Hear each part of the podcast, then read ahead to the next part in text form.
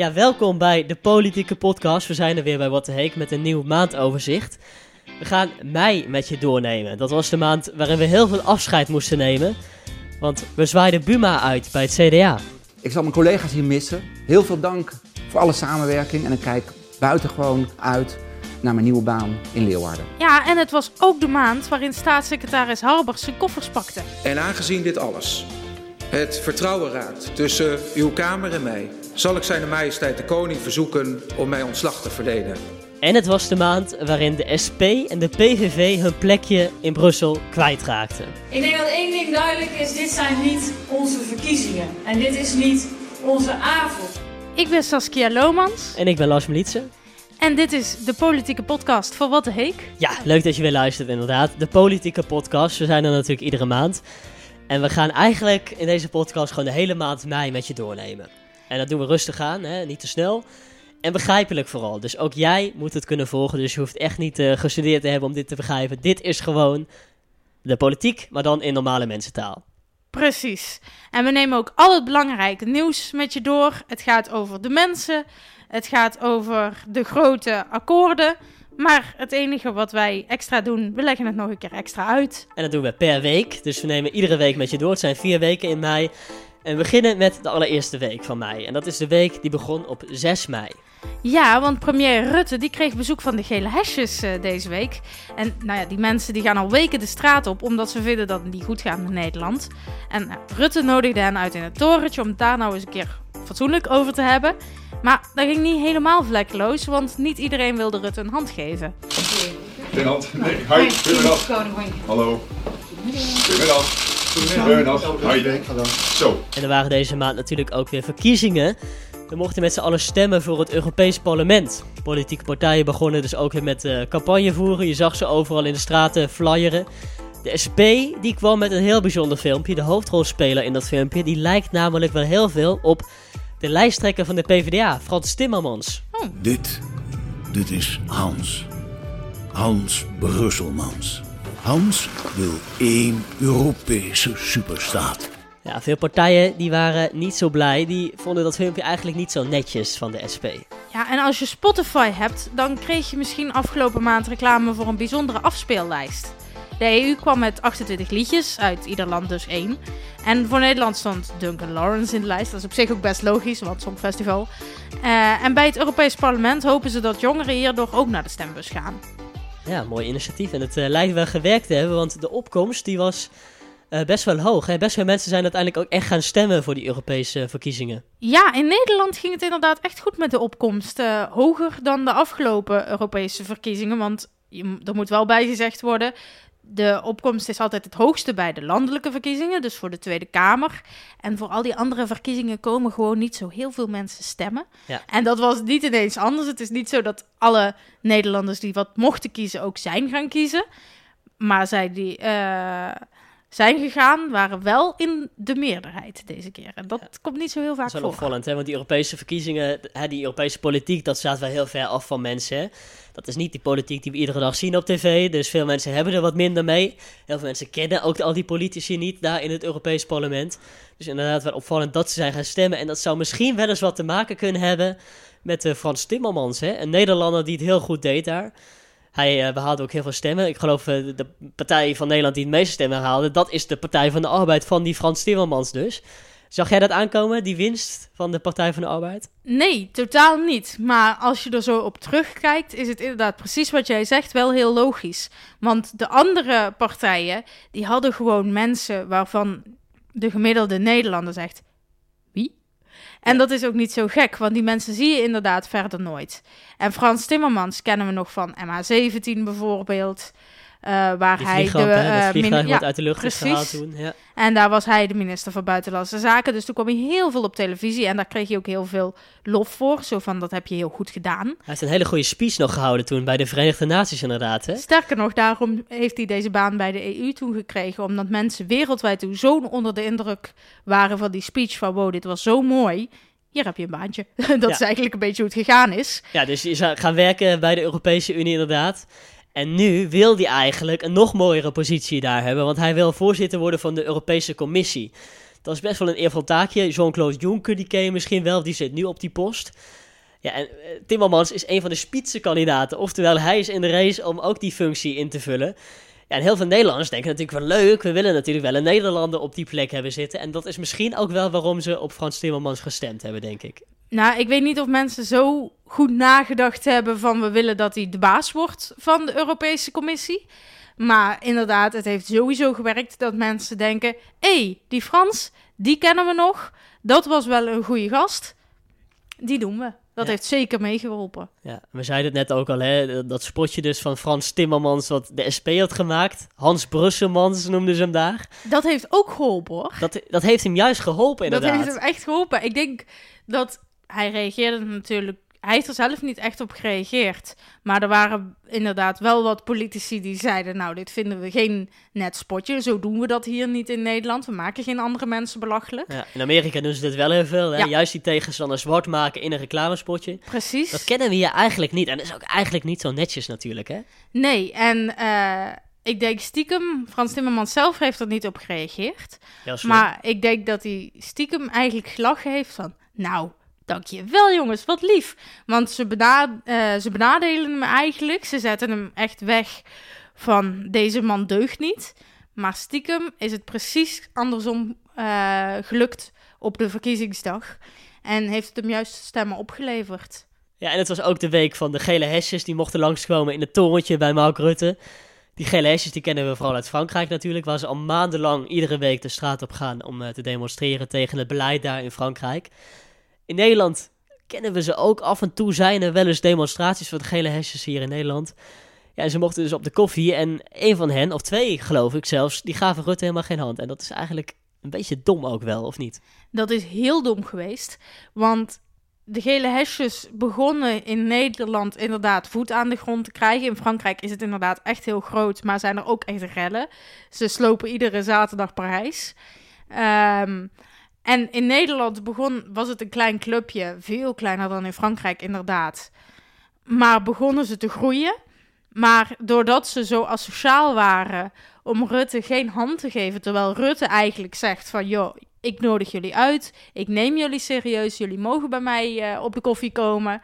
En door daar zo disrespectvol eigenlijk mee om te gaan, waren er heel veel mensen die in eerste instantie zeiden de gele hebben gelijk, die nu zeiden wat zijn dit voor asociale mensen? Hier, willen wij niks mee te maken natuurlijk. Precies, hier hebben wij niks mee te maken. Hier zijn wij het helemaal niet mee eens. En wat wel leuk was, in Rotterdam, daar gingen ook gele hesjes die uh, week de straat op.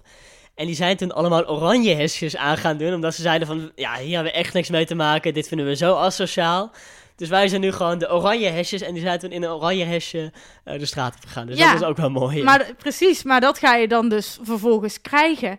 En ik moet zeggen dat ik de afgelopen week eigenlijk niks meer van de gele hesjes in Nederland gehoord heb. Het is niet heel stil, hè? Ja. Dus dan, dan dooft het langzaam uit. Gewoon omdat je inderdaad niet het probleem op de kaart meer kunt zetten. Terwijl mensen het eigenlijk met je eens zijn.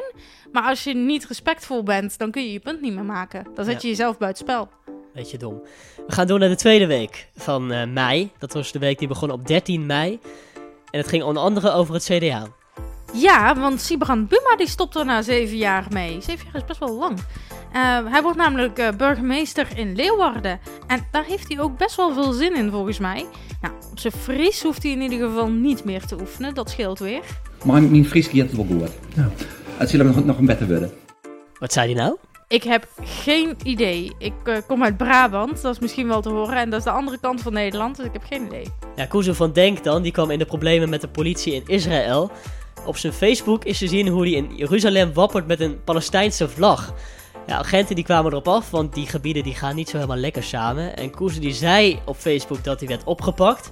Maar dat bleek helemaal niet zo te zijn. Hij moest alleen zijn vlag inleveren. Nou, Kamervoorzitter Ariep die vond het maar een hele domme actie. En wat zij doen is gewoon met dat knip- en plakwerk toch uh, heel veel uh, nepnieuws verspreiden. En dat vind ik wel zorgelijk. En 150 dierenliefhebbers die sloten zich op in de stallen van een boer in Brabant. Ze deden dat om te laten zien dat de varkens die er eigenlijk wonen een slecht leven hebben. De demonstranten zaten uren verstopt tot ze door de politie werden weggestuurd. En veel collega-boeren die kwamen erop af om ze er zelf maar uit te halen. Het zou u zelf maar zo voorkomen dat er een bus gelost wordt met 100 terroristen. Zo noem ik het maar even. ja, dat maakt dan nogal wel inbreuk. U moet zich eens voorstellen, als u thuis in de huiskamer zit en er kloppen er honderd en die springen in het huis binnen en die terroriseren de zaak. Dat kan toch niet? En ook veel politieke partijen die waren dus boos over deze manier van uh, protesteren. En zelfs de Partij voor de Dieren, of al partijen, die vond het te ver gaan. Ja, ik snap het wel. Want het is wel een hele extreme manier om je mening te laten horen. Het voordeel is wel, alle nieuwsmedia die hadden het hierover. Het was echt landelijk nieuws. Dus als je een punt wil maken, nou, op deze manier is het wel gelukt. Iedereen weet ervan nu.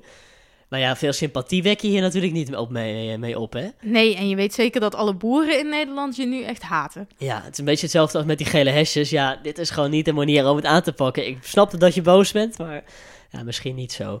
En het was ook de week van uh, Sibrand Buma natuurlijk, van het CDA. Hij stopte mee, hij, dat hing al een beetje in de lucht. En we wisten al lange tijd van, oh, hij gaat misschien wel weg. Hij zit er ook al lang. En we wisten ook al een tijdje dat er een post vrij kwam voor een burgemeester in Leeuwarden daar. Dus 1 en 1 is 2 zou je zeggen. Dus uh, het vermoeden was er al, maar deze week was het dan definitief Sibrand Buma. En hij stopt echt, hè? Hij stopt echt. En het mooie is, zijn opa was burgemeester van Leeuwarden. Zijn vader was burgemeester van Leeuwarden. Dus inderdaad, toen bekend werd, hey, Leeuwarden zoekt een nieuwe burgemeester, was iedereen zo van, Siebrand, ja. wordt het niet eens tijd misschien? En inderdaad, het blijkt ook gewoon te kloppen. Ja, hij is ook echt geknipt voor natuurlijk. Hij komt uit die streek, zijn ouders hebben het gedaan. Uh, hij kent die provincie door en door. Hij heeft heel veel ervaring nu natuurlijk door die landelijke politiek. Ja, wel een gemis natuurlijk voor de Haagse fractie, voor de landelijke fractie van het CDA. Want die uh, zullen toch op zoek moeten naar een nieuwe leider nu. Dus we gaan zien hoe dat gaat aflopen. En nog suggesties van mensen die dat moeten doen? Ja, het is uh, vooral tussen twee mensen nu heel spannend. En dat zijn twee mensen die nu allebei minister zijn. Dat is namelijk de minister van Volksgezondheid, Hugo de Jonge, en de minister van Financiën, Bobke Hoekstra. En tussen die twee zal het uiteindelijk waarschijnlijk echt een uh, leidersstrijd gaan worden wie dan de nieuwe Sibrand Buma mag worden. Spannend, we gaan het afwachten. We gaan naar de derde week van mei dan. Dat is de week die begon op 20 mei. En uh, dat was de week waarin we allemaal naar de stembus mochten. Al voor de tweede keer dit jaar trouwens. Dit keer mochten we kiezen wie er namens Nederland naar het Europees Parlement gaan. En in dat Europees Parlement overleggen eigenlijk 28 Europese politici over grenzen, eh, over handel, over veiligheid.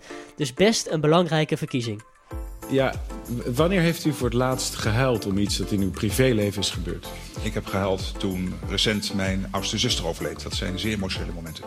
Wanneer was dat? Vier geleden. Vier maanden geleden. Ja, Baudet en Rutte waren dat. De dag voor de verkiezingen in een één op één duel op tv. Want ja, verkiezingen dat betekent voor partijen natuurlijk ook campagne voeren. Uh, Rutte en Baudet die trokken de aandacht door elkaar uit te dagen voor een debat. En van tevoren er een soort bokswedstrijd van te maken. Inclusief de VVD die een EHBO-koffertje naar Baudet bracht. En Baudet die antwoordde met een stapel eigen boeken als huiswerk voor Rutte. Nou, dankjewel. Hebben ze allemaal wel getekend? ja, zeker. Heel goed. Maar geen opdracht erin? Nee. Nou, nog niet, maar dat kan nee, afloop wel. We gaan een mooi debatje doen, denk ik. Hartstikke goed. Ja, zeker. Uiteindelijk uh, won de PvdA deze verkiezingen dus. We zeiden het al, met Frans Timmermans natuurlijk. Ja, die partij die was er best wel blij mee, want de afgelopen verkiezingen bij de PvdA die gingen niet helemaal lekker.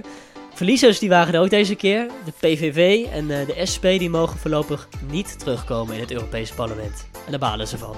Dat is natuurlijk een erg teleurstellende uitslag. We hadden er op veel meer uh, gerekend. Ik denk dat één ding duidelijk is, dit zijn niet onze verkiezingen. We hadden zelf die kiezer meer moeten verleiden om naar de uh, stembus te gaan. Ja, Forum voor Democratie won wel, maar het was wel minder dan ze verwacht hadden daar. Ja, en bij het CDA hebben ze een nieuwe baas. Pieter Heerma neemt het stokje over van burgemeester Buma dus. Oh. Ik ben vooral blij dat ik de steun en het vertrouwen van mijn fracties heb gekregen om deze zware en verantwoordelijke taak te gaan doen. Ja, Heerma zit er maar tijdelijk. Uh, binnenkort gaan ze dus bij het CDA kijken of het Hoekstra of uh, de jongen wordt. Of, uh, ja, spannend. Maar die zitten nu in het kabinet allebei als minister en daarom kunnen ze hem niet meteen opvolgen. Ja, en weer een VVD'er die ermee stopt deze maand. Dit keer besloot staatssecretaris Harbers van asielzaken op te stappen. En aangezien dit alles het vertrouwen raakt tussen uw Kamer en mij, zal ik zijn majesteit de koning verzoeken om mij ontslag te verlenen. Nou, hoe zat het nou? Harbers die had een lijstje gemaakt met uh, de meest gepleegde misdaden door asielzoekers. In die top 10 stonden onder andere tasjesroof en belediging. En je had ook het kopje overige zaken. En onder dat kopje vielen dingen als doodslag en verkrachting. Ja, een beetje misleidend vonden veel Kamerleden. En die zeggen dat Harbers hiermee de ernstige dingen een beetje wilde wegmoffelen eigenlijk. zelf zegt hij dat hij dat niet heeft gezien. Niet gezien. Hij is toch de staatssecretaris die er uiteindelijk ook zijn handtekening onder heeft gezet. Dus dit zijn wel dingen die je hoort te checken. Ja, als minister ben, ben je verantwoordelijk natuurlijk. Uiteindelijk zijn het de ambtenaren die zo'n lijstje opstellen natuurlijk. Dat doet hij niet zelf. Maar ja, die ambtenaren moeten toch ook gedacht hebben... dit is een heel gevoelig onderwerp, zo'n top 10. Is dat wel zo handig? Ja, en het lijkt mij ook... de eerste vraag van de journalisten was... ja, maar wat is er dan het kopje overig? Wat zit daaronder? Je maakt mij niet wijs dat als je dit zo op je bureau krijgt... je hoeft niet journalist te zijn om die vraag ook meteen te hebben van... oké, dit en dit en dit is er allemaal gebeurd. Dat is vervelend. Maar wat is dan het kopje overig? En als dan blijkt dat dat alle ernstige dingen zijn, dan moet je inderdaad denken: hmm, is dit niet uh, toch een beetje verstoppen? Ik ben toch wel benieuwd wanneer ze er bij de VVD achter komen dat verstoppertje niet echt een beste spelletje is. Nee, hè? Ook het gebeurde op het ministerie van Justitie en Veiligheid. Ja, dat is een ministerie waar het wel vaker mis is gegaan. Met VVD'ers. Met VVD-mensen die dan daar aan de top zaten. Onder andere een bonnetje wat niet gevonden kon worden. Nou ja, ik bespaar je de details even. Maar ja, kennelijk gaat er toch iets mis daar. Want heel veel gevoelige dingen, daar gaat het iedere keer weer mis. En ook nu is er weer dus iemand opgestapt uh, bij dat ministerie. Dus uh, dat gaat niet helemaal lekker daar. Nee. En nou, we moeten ook nog eventjes toch wel terugkomen deze week op de verkiezingen. We hadden het inderdaad al over het uh, Hans Brusselmans filmpje en over dat Frans Timmermans, oftewel bijnaam Timmer Frans, Mooi. het zo goed gedaan heeft. Maar dat Hans Brusselmans, dat backfired wel even voor de SP, zeg. Ze mogen gewoon niet meer terugkomen. Ja, als een soort boemerang uh, kwam die terug inderdaad. Ja, het is echt een heel sneu natuurlijk. Die partij heeft natuurlijk ook uh, flink campagne gevoerd. Maar ja, dit, dit kwam gewoon niet lekker aan, zo'n filmpje waarbij je iemand zwart maakt. En uh, ja, ook sneu van Lilian Marijnissen, die zit er pas net. Die zou juist die partij weer uit de slop trekken. En die zou juist weer zorgen dat die partij weer groot wordt ja, tot nu toe lijkt het niet echt te lukken, denk ik. Nee, sindsdien hebben ze iedere verkiezing echt uh, best wel fors ook verloren. En uh, Ron Meijer, dat is de voorzitter. Dat is dus iets anders dan de lijsttrekker. Lilian Marijnissen is de fractievoorzitter. Maar je hebt ook nog iemand die de voorzitter is van de hele partij. En dat was Ron Meijer. En die had ook het Hans Brusselmans filmpje bedacht. En die heeft ook na deze verkiezingen gezegd: jongens, ik stop ermee, want misschien ben ik toch niet zo goed in deze baan. En de PVV trouwens, nu we het hebben over partijen die verloren hebben, de PVV mag ook niet meer terugkomen. Nee. Maar die hebben we helemaal niet gezien in deze verkiezingscampagne. Die waren zo onzichtbaar, want normaal, de PVV die heeft altijd wel een stunt waarmee ze uiteindelijk alle media halen. Geert Wilders is daar best wel goed in. Maar ze waren echt heel onzichtbaar. En alles draaide eigenlijk de afgelopen weken alleen nog maar om die ene andere man op rechts, Thierry Baudet. Die stond juist in de spotlights. Ja, Wilders, ja, ik was hem zelf ook al bijna een beetje vergeten eigenlijk, moet ik eerlijk zeggen. Ik dacht, uh, oh, Wilders is ook nog natuurlijk. En dat komt misschien ook wel door dat debat op de laatste avond voor de verkiezingen. Hè? Toen nam Rutte het op tegen Baudet. Ja. Ik kreeg een beetje de indruk van, ja, als je op een rechtse partij wil kiezen, dan moet je maar op een van die twee stemmen. En heel veel mensen zijn blijkbaar ook vergeten van, oh ja, die Wilders, die zat er ook nog. Ja, inderdaad. De hele campagne was Wilders een beetje onzichtbaar. Maar over dat debat, dat zeg je eigenlijk wel goed, dat het tussen twee partijen ging. En daar was niet alleen de PVV boos over, daar waren veel meer partijen boos over. Want ja, je moet de kiezer natuurlijk niet het idee geven dat er twee keuzes zijn, als er eigenlijk in feite zes of zeven keuzes zijn.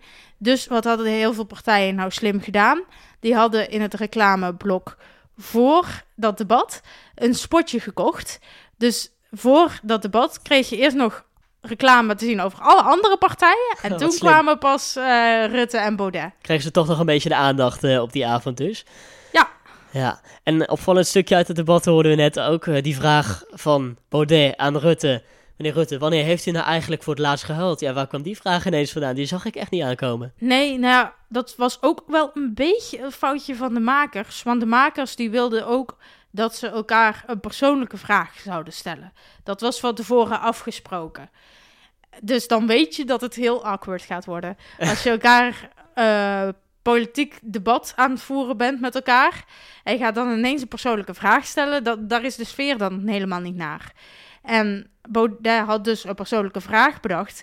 Maar je zag ook echt wel dat hij schrok van het antwoord. Dat had hij echt niet verwacht. Ja, want Rutte zei dus... Ik heb voor laatst gehuild bij een familie die is overleden. Zijn zus. drie maanden overleden. Rutte zei drie jaar geleden Baudet. Die verstond dat hij zei drie, maanden, geleden dus. Ja, en dat is toen had recent. zoiets van, hier ga ik niet op in, eh, gecondoleerd. En toen ging het door. Dus het was een heel ongemakkelijk, raar moment in dat debat. Klopt, want hij schrok echt heel erg, omdat hij niet had verwacht dat Rutte zo eerlijk zou Wat had zijn. hij wel verwacht dan? Want waarom stel je deze vraag? Want ja, dat, hij, dat als je zo'n antwoord geeft, dat had hij eh, kunnen zien aankomen, lijkt me toch? Eigenlijk had hij het moeten zien aankomen. Maar wat hij eigenlijk bedoeld had met de vraag was... we zien Rutte natuurlijk altijd super vrolijk en aan het lachen. En dus wilde hij een keer de andere kant van Rutte zien. Alleen hij had niet verwacht dat Rutte zo eerlijk zou zijn. Hij had misschien gedacht bij een zielige film of bij een mooi muziekstuk. Rutte speelt piano. Maar hij had niet verwacht dat hij zijn zuster in zou fietsen. Ja, opvallend moment in ieder geval. Wat Baudet misschien niet helemaal heeft, lekker heeft meegespeeld bij die verkiezingen. Nee, nou... hij, hij heeft ook niet veel gewonnen. Hij heeft wel gewonnen natuurlijk. Maar dat is ook niet zo gek, want hij kwam nieuw. verwacht, hè? Ja. Ja, hij kwam nieuw binnen, dus het was ook wel inderdaad verwacht dat hij ging winnen, want dat is logisch, want je begint op nul. Maar hij had inderdaad wel meer verwacht. En Zou dat, heeft- aan het debat liggen? Of zeggen we nu, schrijven we dat debat nu wel heel veel eh, toe? Dat schuiven we eigenlijk wel heel veel toe. Het heeft hem ook niet geholpen, denk ik. Het als hij dat debat nog sterker had gedaan dan hij al deed, want hij heeft het niet slecht gedaan. Ja, wat hem vooral veel heeft gekost, is dat hij de week, weken ervoor ineens heel veel gekke tweets ging plaatsen. Oh. Eh, hij had het ineens over vrouwen en daar zei hij allemaal onvriendelijke dingen over. En eh, nou, dat vonden veel mensen toch te extreem. En hij ging ineens dingen delen van extreemrechtse groepjes. Ja, hij heeft een artikel veel- in de krant gezet, hè, waarin hij zich een beetje uitliet daarover. Ja, en dan had je ook nog dat er binnen de partij een paar eh, ruzies waren. Dat vinden mensen vaak ook niet fijn voor het vertrouwen. Van ja, maar als jullie er met elkaar al niet uitkomen, hoe Ja. kun je dan goed besturen als je alleen maar aan het ruzie maken bent? Ja, want er was één leider binnen Forum voor Democratie, die had een greep uit de kast gedaan. Hè. Hij was eh, penningmeester en dat ging niet helemaal lekker. Nou, heel veel ruzie is natuurlijk niet zo handig. Dat gaat natuurlijk niet echt uit dat je als partij alles heel goed voor elkaar hebt. Dus misschien Nee. speelt het ook mee. Nee, dat heeft absoluut niet geholpen. Dus hij heeft gewonnen, maar het had meer kunnen zijn. Gaan we door naar de volgende week van mei. Dat is de week die begon op 27 mei, de laatste week. Ja, Zini Usdeel, die was toen veel in het nieuws. Die stopt namelijk als Kamerlid voor GroenLinks. Zijn partij ja, die is eigenlijk het vertrouwen in hem kwijt nadat hij zonder overleg een kritisch interview gaf aan een krant. Ja, Usdeel is namelijk tegen het leenstelsel, terwijl GroenLinks, zijn partij, eigenlijk juist voor is. En toen hij daarna ook nog een gesprek stiekem opnam, ja, toen was de baat eigenlijk wel vol eh, voor de fractieleider van GroenLinks, Jesse Klaver. Usdeel koos ervoor om zelf te vertrekken, maar Klaver die kwam daarna nog wel met een mailtje. Waarin hij zegt dat die Usdeel eh, echt veel te ver is gegaan. En daar had Klaver achteraf ook wel spijt van, zei hij. En daar baal ik van, want daarmee is er, een, is er gewoon een hele lelijke situatie van de meest lelijke politiek die er bestaat. En daar heb ik zelf aan bijgedragen. En dat vind ik gewoon, dat is niet goed. Ja, en Geert Wilders die kon urenlang niet meer tweeten. Hij zei dat hij geblokkeerd was op Twitter omdat hij hatelijk gedrag vertoonde. En de blok is best wel opvallend, omdat Wilders vaak zelf mensen blokkeert die kritiek op hem hebben. En het wordt eh, druk op school komend jaar. Zo druk dat er nu te weinig tafels, schriften en gebouwen zijn. Kabinet geeft ieder jaar geld aan scholen om die dingen te fixen. Maar er zijn dit jaar veel meer studenten en scholieren dan ze verwacht hadden. En dus is het geld op. Het wordt dus eh, kleinschrijven komend schooljaar, denk ik. Ja, ik wil toch nog even ook over eh, die Usdeal eh, verder praten. Want nou, het gebeurt gewoon niet zo heel vaak dat er ruzie is binnen een partij. En dat vervolgens één persoon uit die partij zegt: Ik stap op. En op het moment dat hij al is opgestapt, maakt de leider nog een eh, verhaaltje eh, wereldkundig.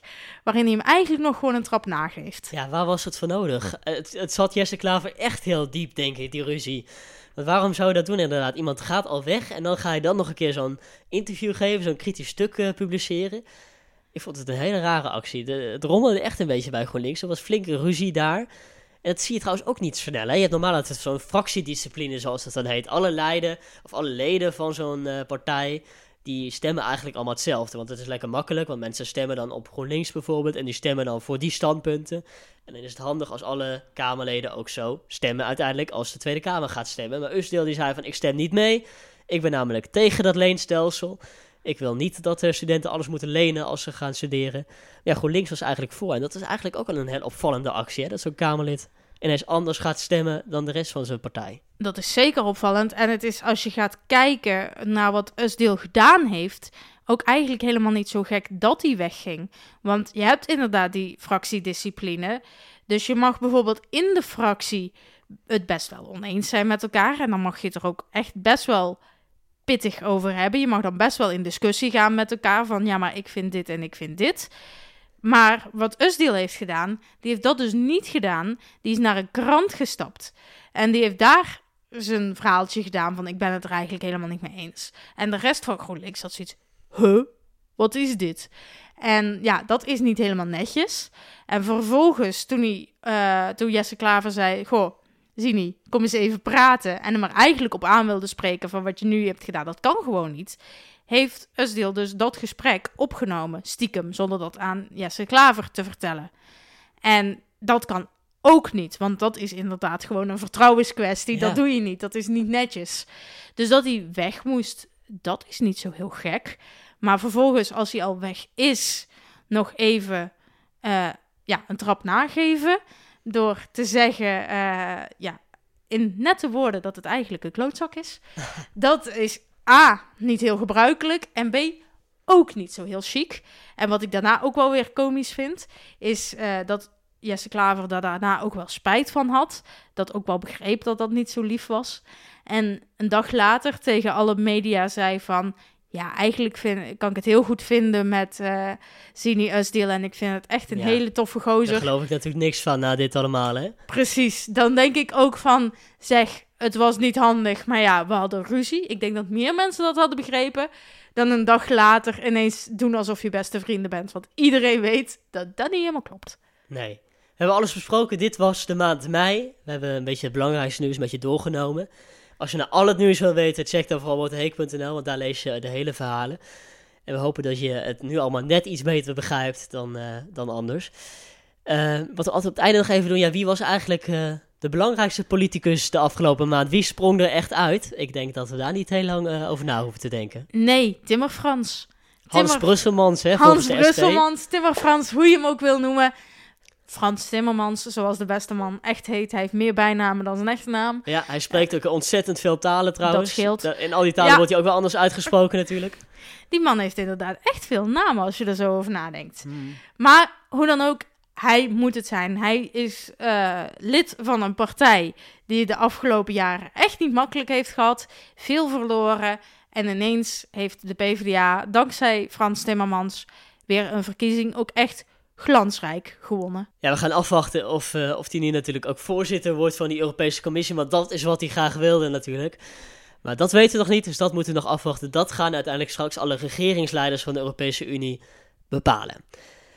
En dan eh, kijken we altijd een beetje vooruit. Juni komt eraan, maar hij zit erop. Wat kunnen we verwachten in juni zometeen? Nou, deze maand was echt de maand van het afscheid nemen. We hadden Usdeel die vertrok, Buma die vertrok, Harbers die vertrok. Dat is echt, zelfs voor Politiek Den Haag, echt veel. Ja, je had ook nog eh, de VVD, of de PVV en de SP die vertrokken, uit het. Europese parlement natuurlijk. Ja, dus het, dat is echt voor Haagse begrippen zelfs heel erg veel. En de komende maand kunnen we ook eigenlijk best wel makkelijk weer samenvatten. Als mei de maand van het afscheid was, dan wordt juni de maand van de akkoorden. Klopt, want je hebt natuurlijk het klimaatakkoord, dat komt eraan. Daar hebben we het al eerder over gehad in deze podcast. Dat Heel heeft ook even geduurd. Dat heeft heel lang geduurd. Anderhalf jaar geloof ik hebben allerlei organisaties in Nederland met elkaar gepraat. Van hey, wat kunnen we doen aan die klimaatverandering? Welke plannen kunnen we bedenken? Ja, en in juni komt hopelijk eindelijk dat akkoord naar buiten. En weten we eindelijk wat, eh, wat er gedaan wordt om eh, die CO2-uitstoot in Nederland te verminderen. En dat is niet het enige akkoord wat we kunnen verwachten, denk ik. Nee, want er is nog een akkoord waar het nog veel langer al over gaat. Al negen jaar zijn ze bezig met een pensioenakkoord. Dus wanneer mag je nou stoppen met werken? Daar komt het eigenlijk op neer. Dat is het hele, hele ding van dat eh, pensioenakkoord. Maar dat is dus nog niet zo makkelijk. Dus daar zijn ze al lang mee bezig. In november waren ze daar ook al mee bezig. Maar toen zijn de verschillende partijen, de verschillende mensen die daarover aan het praten waren, boos uit elkaar gegaan. Dus toen is het ook echt even helemaal gestopt, het overleg. Nu zijn ze weer begonnen. Ja. En nu zou het zomaar ineens wel kunnen lukken. We weten het niet. Het zou kunnen. En Het dan zou echt je een doorbraak zijn, joh. Na negen Na jaar negen onderhandelen, jaar. als dat een keer zou lukken.